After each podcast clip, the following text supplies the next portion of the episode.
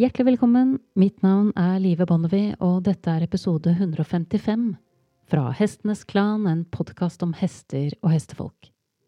Flere internasjonale studier viser at mer enn halvparten av verdens hesteeiere bruker alternative behandlere uten at det er etablert noe samarbeid med en veterinær. Og det følger et ganske tydelig mønster. Er det mistanke om alvorlige ting som beinbrudd eller kolikk, så ringer man veterinæren. Men er det mer vage og uklare symptomer, så ringer man ofte alternative behandlere først. Dagens gjest Anna Berg er fysioterapeuten som ble veterinær, og deretter skrev en doktorgradsavhandling om rehabilitering av hest. Anna har viet sitt yrkesliv til forskning og utdanning innenfor dyrerehabilitering og funksjonell anatomi. Hun har en stilling som førsteamanuensis ved Institutt for klinisk vitenskap ved Landbruksuniversitetet i Sverige, også kjent som SLU. For tiden er hennes forskningsfokus på objektiv evaluering av smerte og fysisk dysfunksjon hos bl.a. hest. Men i dag skal Anna og jeg snakke om en rapport hun skrev, som tar for seg 16 000 artikler om alternativ og komplementær veterinærmedisin.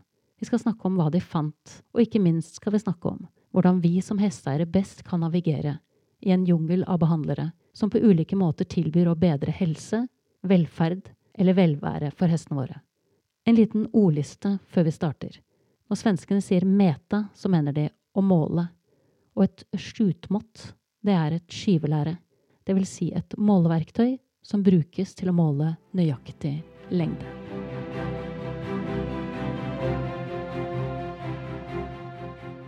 Hjertelig velkommen, Anna, til denne samtalen. Tackar. Jeg er eh, henrykt over å få snakke med deg om en rapport som du har vært med å skrive. Mm. Som heter Komplementære og alternative behandlingsmetoder for sport og selskapsdyr. En systematisk litteraturoversikt. For at dette feltet, komplementær og alternativ medisin, er jo et vanskelig felt med mange gråsoner og masse ulike behandlingsmetoder. Så jeg lurte på, eh, kan vi starte bare med å mm, sortere begrepene litt? Hva är komplementär behandling och vad är alternativ behandling? Det beror alldeles på vem man frågar faktiskt. Så jag tror jag börjar steget innan och säger vad är tyckande och vad är vetenskap? Och ska man nu säga tyckande, det, det gör man ju jämt och det baseras på vilka erfarenheter man har sedan tidigare. Och då kan man väl säga att ni nu i, som lyssnar på det här i Norge, om ni tycker att svenskar bara är dryga och så, så kommer allt jag säger så kommer ni att leta de sakerna ni tycker är jättedumma och så kommer ni bara att bli mer och mer övertygade om att svenskar är bra dryga. Medan ni som kanske har en käraste som är svensk kommer ju bara att leta efter saker ni tycker låter jättebra och så kommer ni tycka att åh, ja men svenskar är inte så dumma i alla fall. Och det man gör med vetenskap det är att man tar bort allt tyckande. Man försöker i alla fall. Så man har liksom man gör olika studier och den bästa studien det är ju att man lottar de hästar som ska vara med Lottar. i en grupp. Man oh ja, um, trekker lodd, altså tilfeldig plasserer dem i ja, olika grupper. Ja, ikke sant? Precis, mm. precis. Man säger att, att varannan häst går till grupp A, varannan häst går till grupp B. Gruppen A de får en aktiv behandling, den som man vill testa och gruppen B behandlar man precis likadant förutom att själva den aktiva behandlingen är placebo. Det är ingen riktig behandling. Och anledningen att man gör så här det är för att man vill ha likadana hästar i varje grupp. Det ska inte vara så att ena gruppen bara är Grand Prix-vinnare och andra bara är avelsmärrar. Utan man vill kunna ha lika grupper.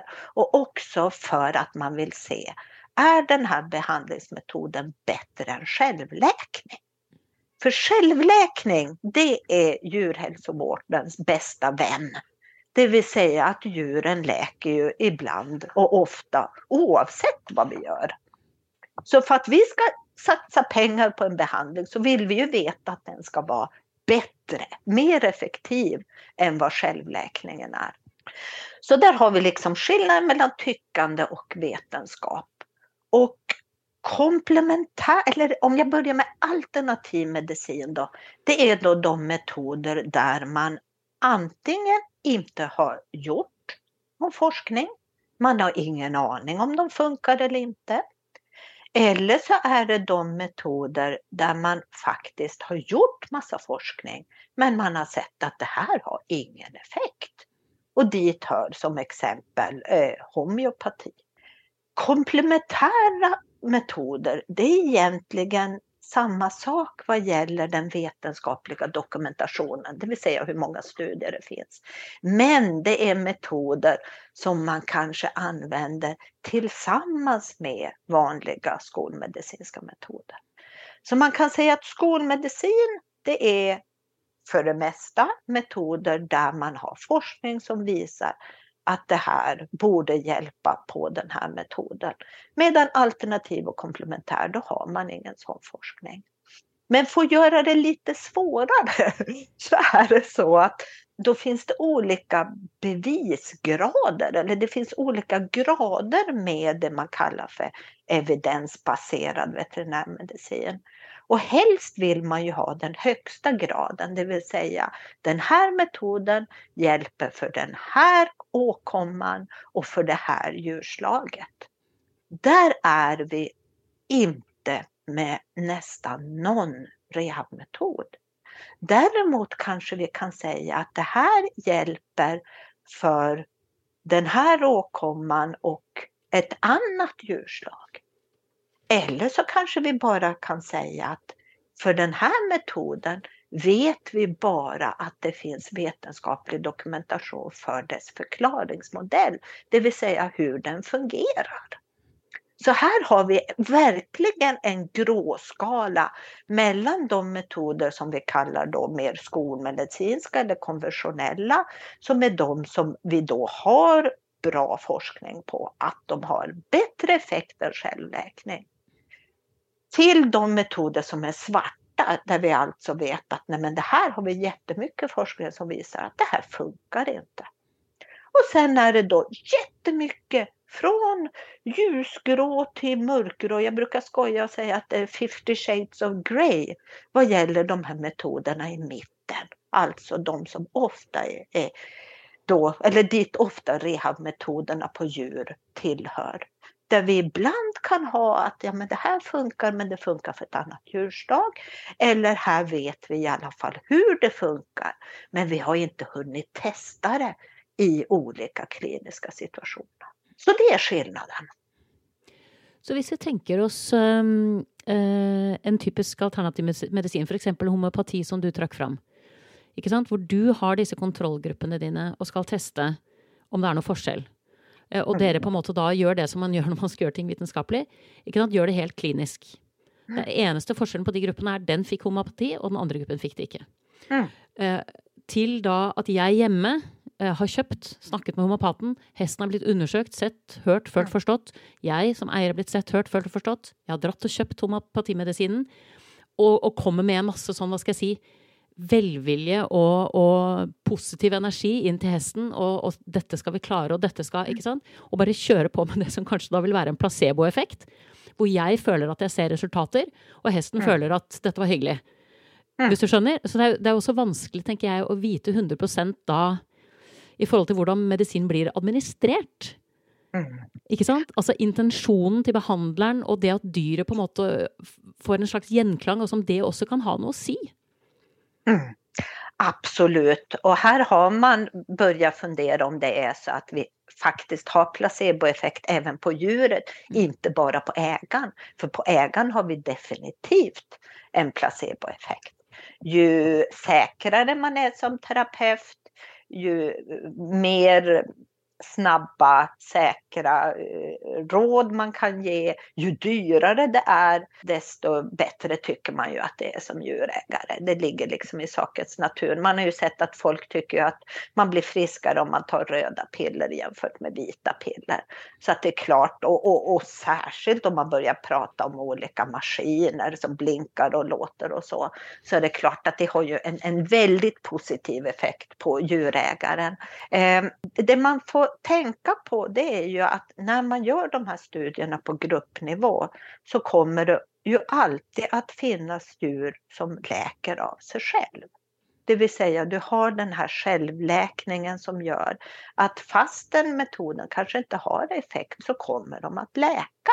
Och det är därför det är så viktigt i de här grupperna att man jämför med de som inte får någon behandling. För att saker läker av sig själv. Och det är därför det också är så viktigt att du som djurägare själv kan kontrollera på ett bra sätt om det som behandlas verkligen blir bättre. Och där kan man ibland höra folk som säger att ja, men, men eh, min behandling kan inte mätas för den fungerar på, på något sätt som självläkande och så vidare. Men jag tycker nog att om man betalar för någonting, då betalar man ju för att få en effekt. Om jag behandlar, då vill jag ju veta precis vad jag behandlar och vad jag vill uppnå för effekt. Och den effekten borde kunna mätas. Så ju bättre hästägarna blir på att själva på ett objektivt sätt, det vill säga med något sorts hjälpmedel som ett uh, skjutmått eller ett måttband eller en algometer som mäter palpationsömhet. Om man själv kan mäta så kan man också utvärdera bättre och säga ja men den här blev faktiskt bättre.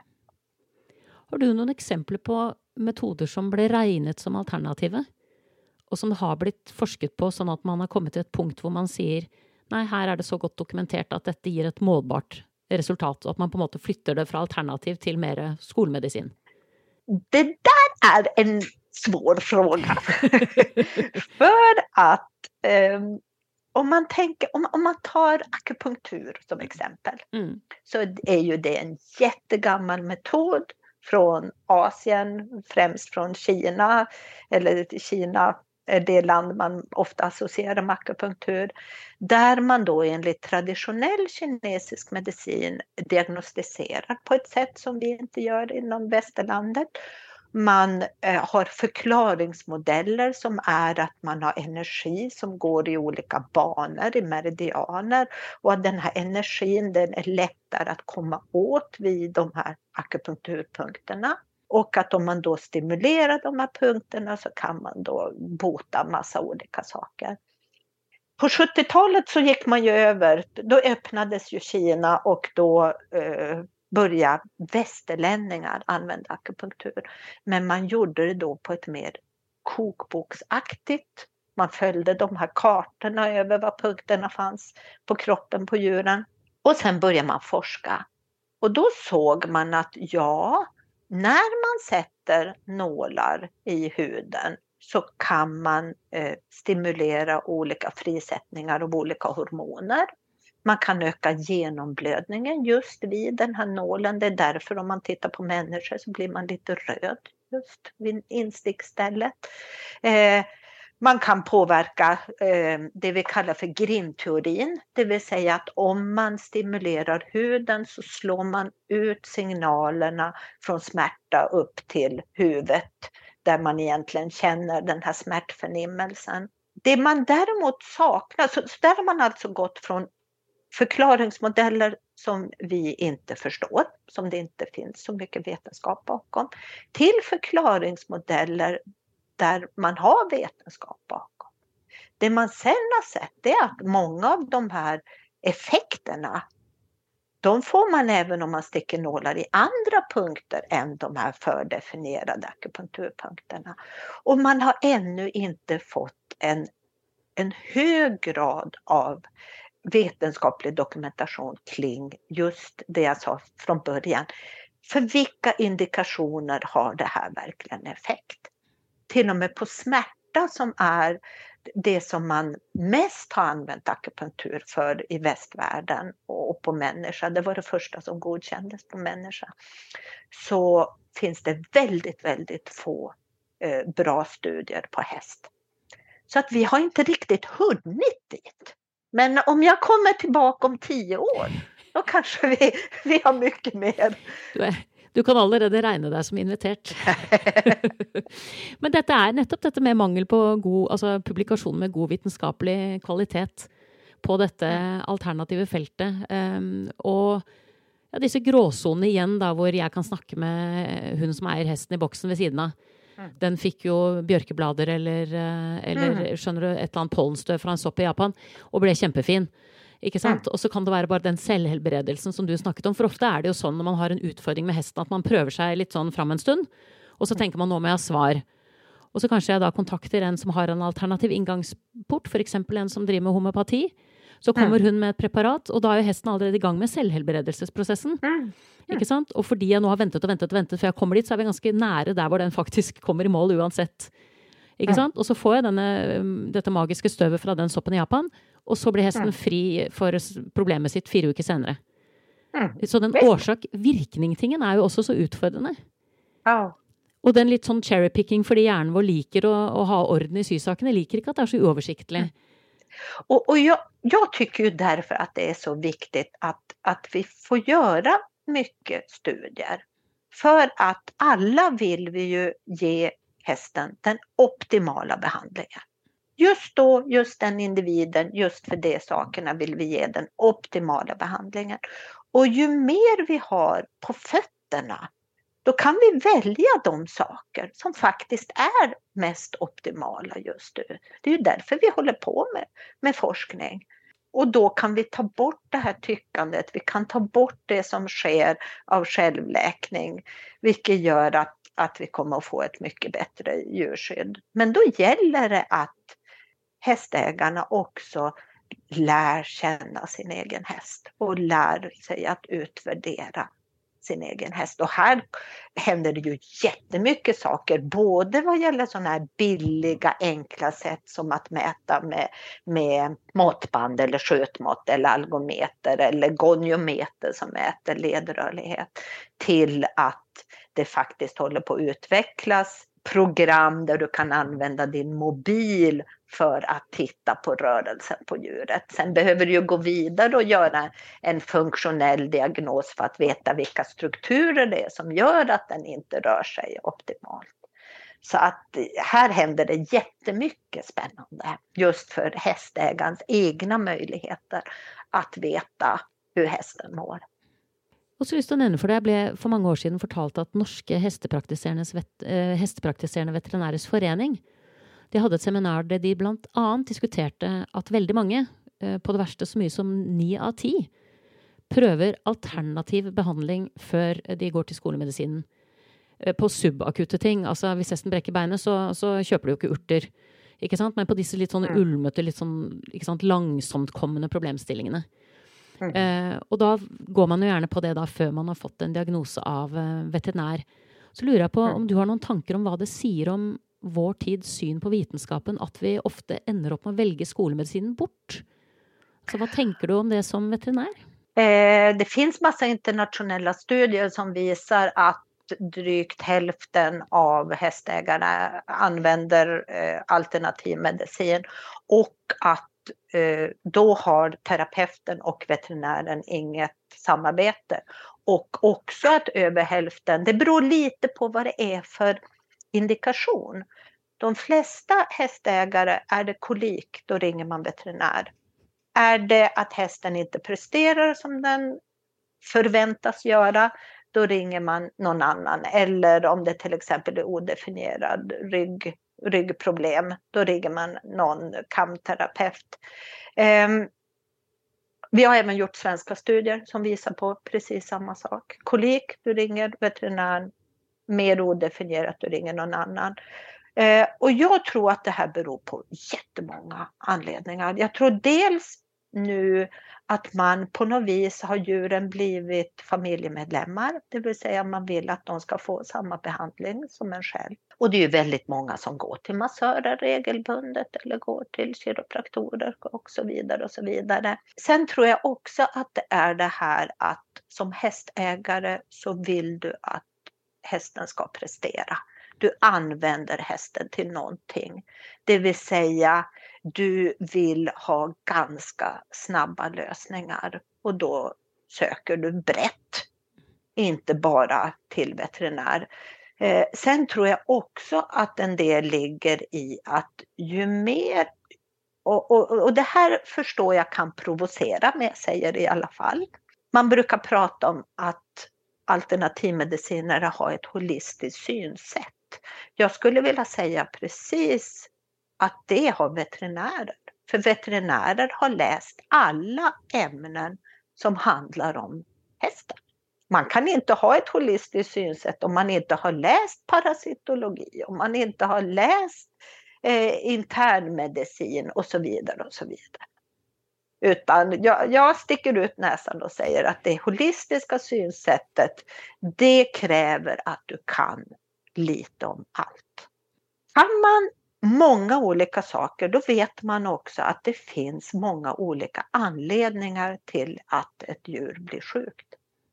Det behöver inte bara vara någon sak. Om du bara kan fem diagnoser, då blir du väldigt säker på de fem.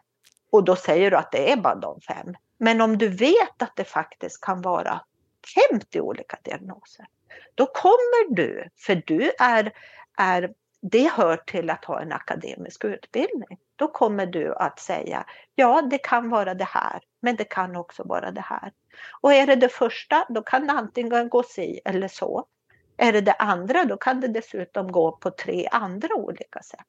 Det här kommer att ta tid och du kommer att behöva ändra kanske ditt sätt att träna eller ditt sätt att rida eller ditt sätt och så vidare. Och så vidare. Och det här vill man ju inte.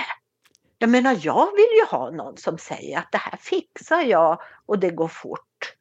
Och jag är helt säker på att jag vet precis hur det här kommer att bli.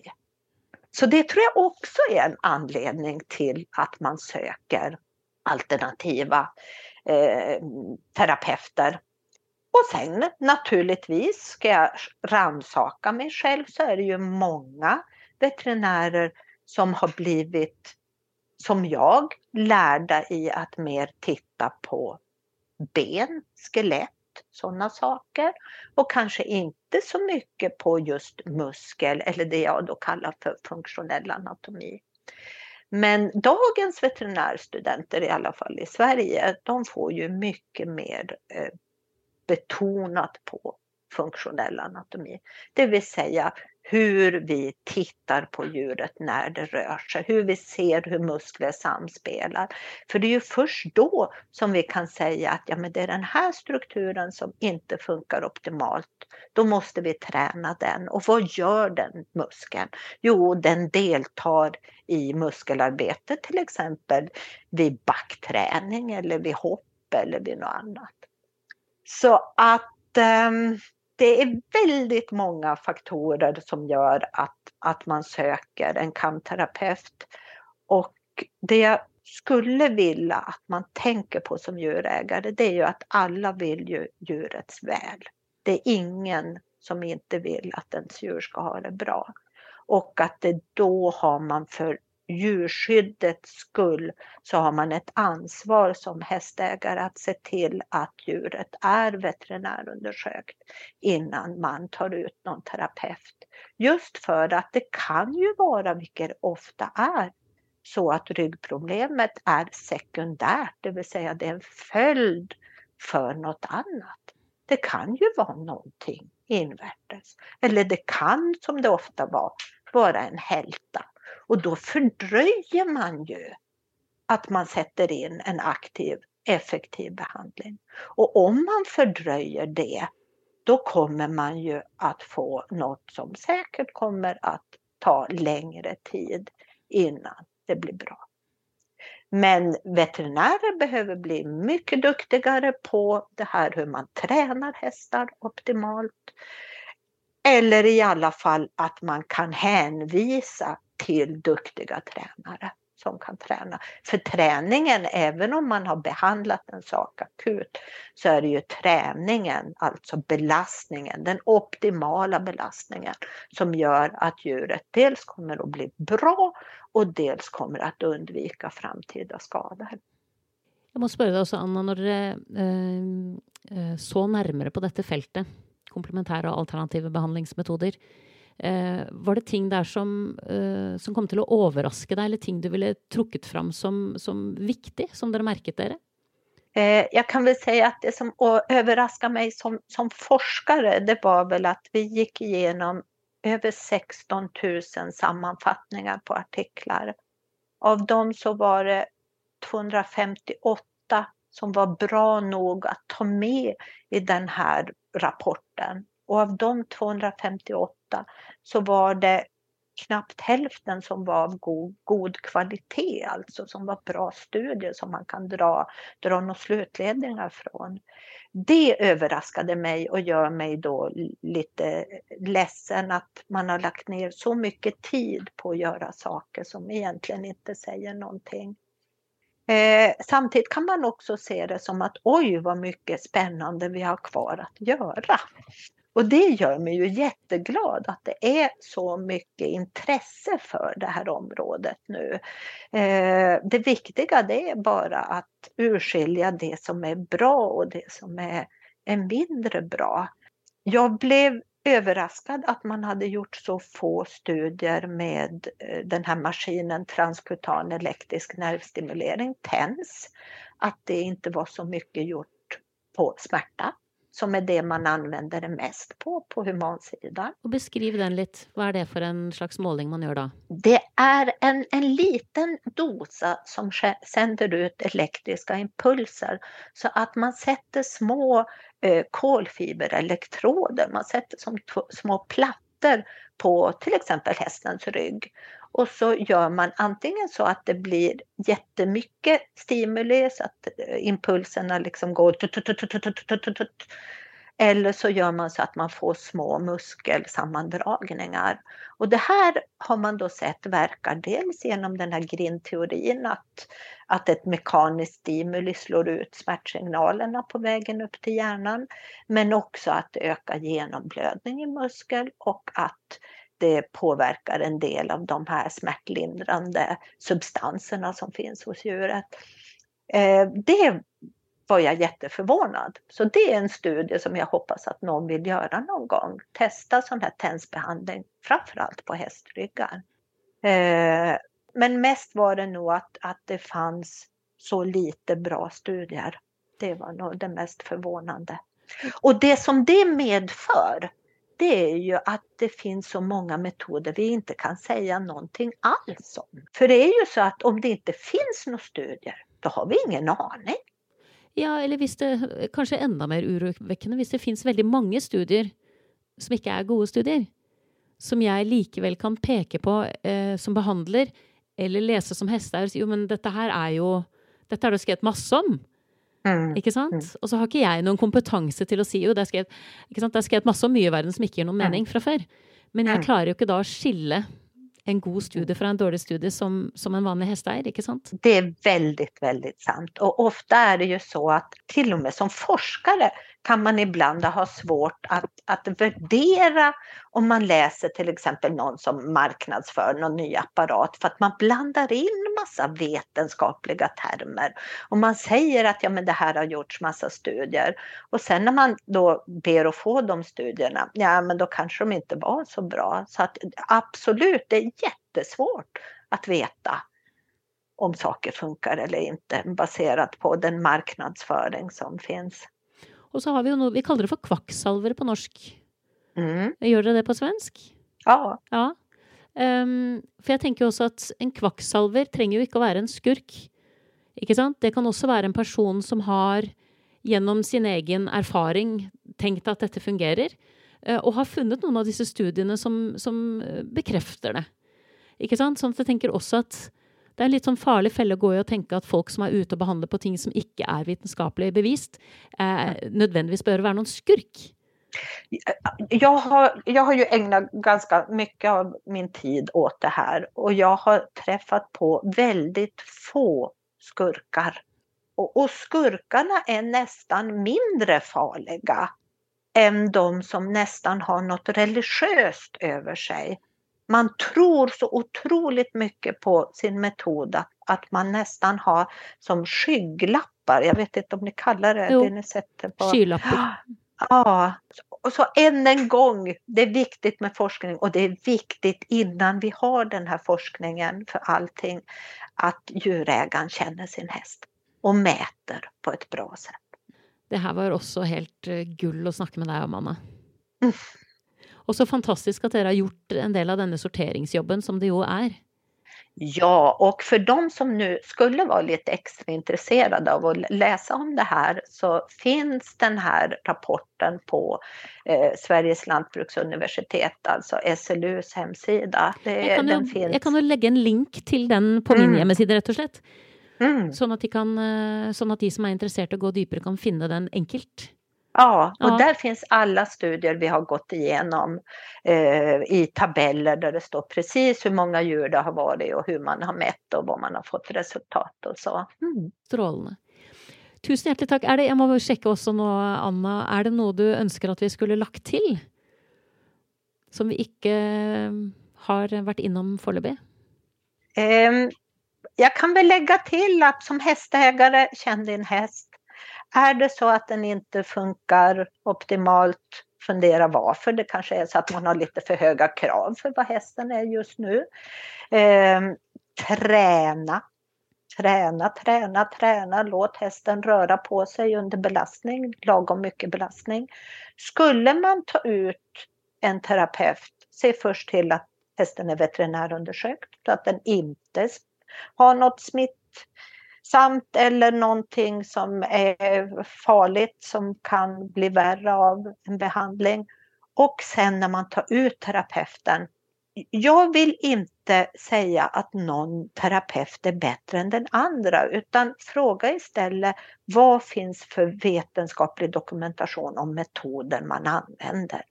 För oavsett hur duktig man är, om man använder en metod som inte har effekt, då spelar det ingen roll. Den kommer inte att ha effekt.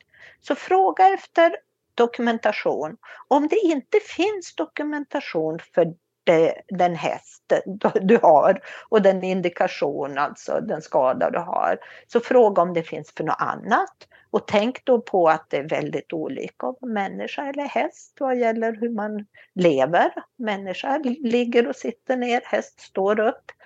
Om det inte finns för något annat djurslag, fråga då om det finns någon dokumentation om själva förklaringsmodellen, hur metoden funkar. Och finns det inte det, välj en annan metod. Så skulle jag vilja säga. Tusen hjärtligt mm. tack för praten, Anna. Fantastisk. Och strålande som sagt att dere, ja, dere har startat i en ände med att, med att sortera sysakene, som vi säger på norsk. Mm. Det är uh, väldigt, väldigt bra att någon har tagit den jobben. Ja, tusen tack. Du har nettopp hørt episode 155 fra Hestenes Klan, en podkast om hester og hestefolk. Da Anna og jeg skilte lag, så bestemte jeg meg for å skaffe et eget skyvelære å ha i stallen. I tilfelle det equine sarkoide hesten min hadde under buken, plutselig skulle dukke opp igjen, etter at det forsvant da jeg tok i bruk det jeg kan om østlig medisin. Eller forsvant helt tilfeldig, fordi huden hans helet seg selv. Hvem vet? For som du vil høre i episode 164, selv om et sarkoid forsvinner fra hudoverflaten, så forsvinner det aldri fra hestens kropp. Jeg bestemte meg også for å skaffe meg et algometer, for å sikre meg et objektivt mål å gå ut fra, og ikke stole blindt på hva hendene mine forteller meg. Men jeg skal samtidig selvsagt fortsette å kjenne etter selv. For jeg tenker at hender brukt riktig gjør godt, og de er til for å brukes. Dersom du ønsker å se nærmere på rapporten som omtales i denne episoden, så finner du den og mer til på bloggen min som ligger på hjemmesiden livebonnevie.no. I neste ukes episode så er temaet tid, timing og pust. Og der skal jeg plukke opp tråden fra aller, aller første episode og se nærmere på hva det innebærer å ha et mykere blikk i praksis. Da gjenstår det bare for meg å takke min faste komponist Fredrik Blom, designeren av podkastens visuelle profil, Ove Hals, min gjest Anna Berg, og sist, men ikke minst, vil jeg som alltid takke deg, kjære lytter, for tålmodigheten. Måtte hesten for alltid være med deg.